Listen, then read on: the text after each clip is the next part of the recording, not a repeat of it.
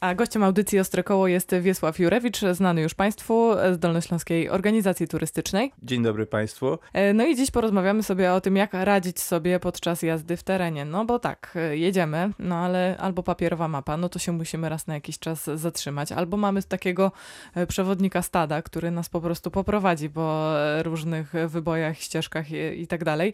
No albo z czego korzystać. No pierwsze, co przychodzi do głowy, no to nawigacja, no i standardowo Google Maps. Muszę powiedzieć z pewnym zdumieniem, że e, byłem przekonany, że wszyscy już w dobie tych nowoczesnych narzędzi, żeby wszyscy będą korzystali z wsparcia telefonicznego, mam na myśli smartfony w funkcji nawigacyjnej.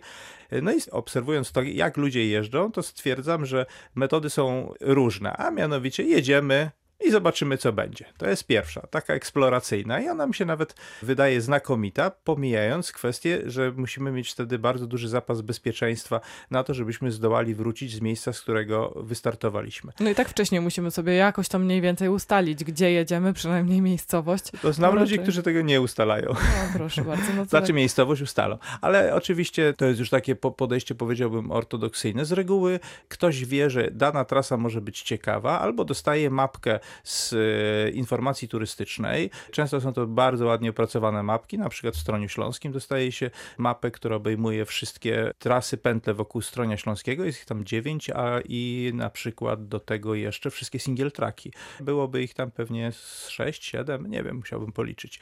I dostajemy takie ładne kompendium. No mapa tradycyjna y, ma ten minus, y, niestety duży, a może ma nawet dwa minusy. Jeden to to, że z reguły podkład mapowy jest inny od podkładu, który mamy w urządzeniach, które znajdziemy w smartfonie, bo w smartfonie możemy znaleźć dwie mapy. Mapy Google, o których opo- opowiemy i które nie nadają się do jazdy w terenie, oraz taki twór, który się nazywa OpenStreetMap, tworzony przez wolontariuszy, który jest podstawą dla wszystkich urządzeń nawigacyjnych. Niezależnie od tego, co byśmy powiedzieli, zawsze na końcu jest OSM. I OSM ma tą wielką zaletę, że jest rysowany przez wolontariuszy. To, co narysują, to jest przejezdne. Ja kocham tą mapę, w przeciwieństwie na przykład do map topo topograficznych, że to, co jest na mapie, to jest w terenie. A z mapami takimi dokładnymi, mówię o, o, mapach, które mają wydziały geodezji i tak dalej, bardzo różnie bywa. Czasem droga jest tak zarośnięta, że jest nie do przejechania. Czyli jeżeli e, mamy do wyboru albo jechać z głowy, czyli tak naprawdę jeśli nie mamy specjalnie wiedzy, no to mm,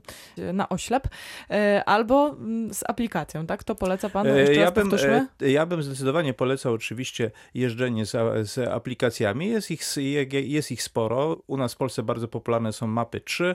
e, Są też inne. Ja używam Locusa w wersji e, Pro, który no, jest narzędziem moim zdaniem no, nieprawdopodobnym i wszystkich zachęcam.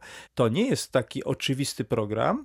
Troszeczkę trzeba się go nauczyć, ale nie zniechęcajcie się Państwo, bo później on, on z nawiązką odzwierciedla swoimi możliwościami korzyści, jakie daje, a jest zarówno w wersji płatnej, jak i, jak i darmowej. Można też doczytać się na różnych e, forach o zaletach także innych rozwiązań. Do tematu będziemy wracać za chwilę.